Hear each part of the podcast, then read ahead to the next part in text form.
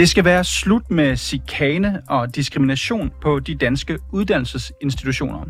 Ja, det mener SF, som vil problemet til livs ved at lave et lovkrav om, at institutionerne her, de skal sikre et citat, chikanefrit studiemiljø.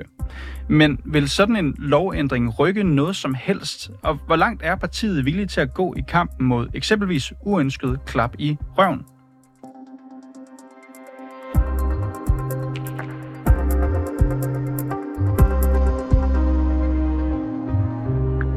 Ja, diskrimination og chikane i den mildere ende, hvis man kan sige det, det skal være fortid på de danske uddannelser. Det mener du i hvert fald, Sofie Libert. Du er med på en telefon nu.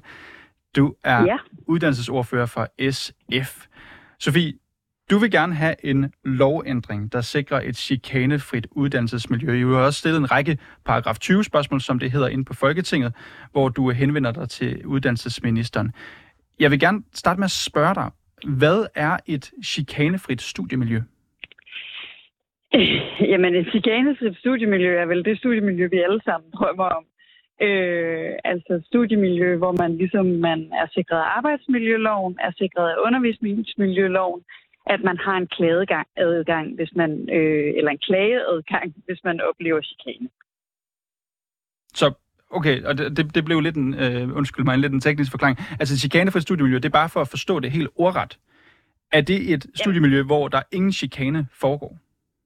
Ja, og det kommer vi jo aldrig til at have. Men vi bør da øh, på alle måder bestræbe os på at få et studiemiljø med mindst mulig chikane. Hvad er chikane? Jamen, chikane kan være øh, alverdens ting. Øh, chikane kan være øh, seksuel chikane. Det kan være, at man oplever diskrimination på den ene eller anden måde.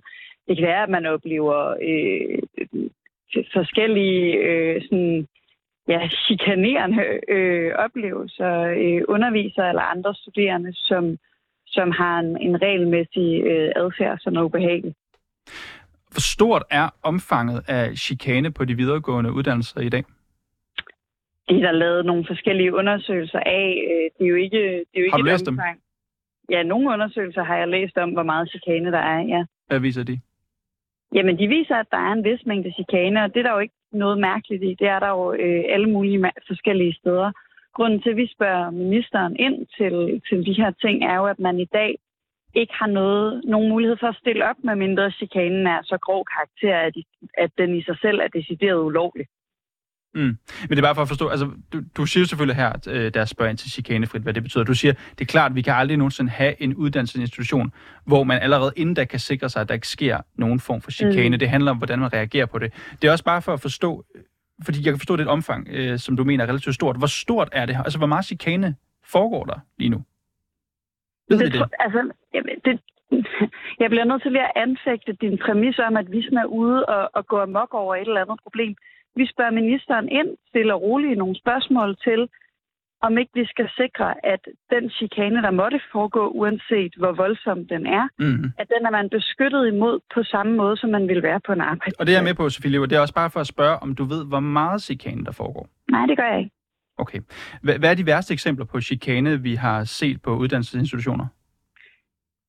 Jeg, jeg vil ikke sådan dykke ned i enkelte eksempler. Det er ikke det, der interesserer mig. Det, der interesserer mig, det er studerendes generelle retsstilling. Øh, men, og der er jo forskellige typer oplevelser. De, de værste tilfælde er jo oplevelser, der er decideret kriminelle, og det skal selvfølgelig håndteres mm. i straffeloven. Mm.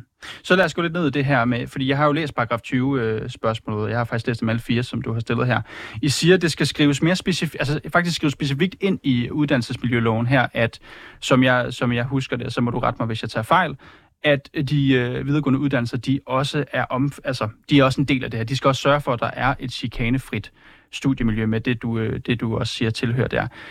Hvad er det helt præcis, der skal ændres? Hvem er det, der skal have et ansvar her? Jamen, det er jo uddannelsesinstitutionerne, der skal have et ansvar for at sikre et, et godt undervisningsmiljø, som de allerede har på en række parametre, men som vi gerne ser altså også dækker diskrimination og chikane. Mm. Hvordan, hvordan skal det øh, ansvar, hvis det, kan man sige, svigtes? Hvordan skal en eventuel sanktion så udmyndtes? Jamen, sanktionsmulighederne i undervisningsmiljøloven er påbud og, øh, og så øh, hvad det, træk i støtte. Mm. Kan du prøve, prøve at give et eksempel på, hvornår man, skulle, man ville skulle gøre det ved en videregående uddannelse, hvis det her blev indført? Jamen, modtager man en klage om, at der er, er chikane, og vurderer man i det klagenævn, at, at der er hold i klagen, øh, så giver man selvfølgelig uddannelsesinstitutionen et påbud om øh, at, at ændre øh, undervisningsmiljøet, så der ikke længere øh, findes den her chikane. Mm. Ligesom man gør med alle mulige andre dele af undervisningsmiljøloven. Mm.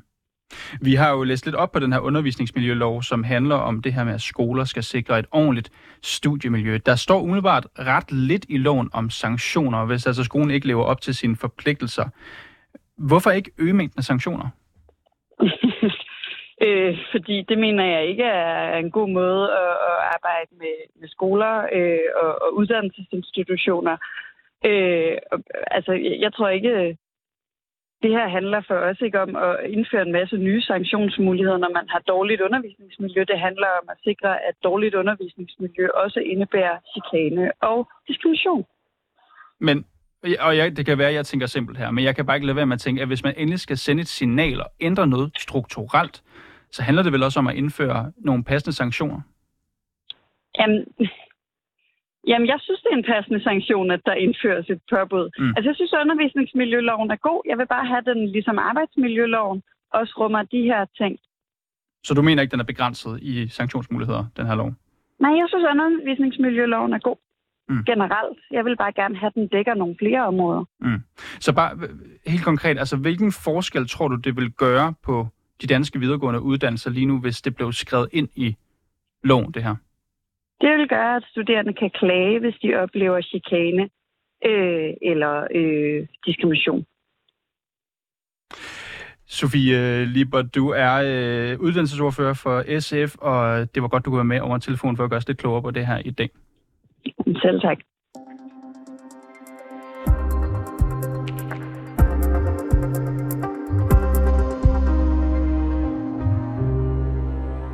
Ja, og bag det her indslag var Clara Edgar. Mit navn det er Niels Frederik Rikkers, og Mille Ørsted, hun er redaktør.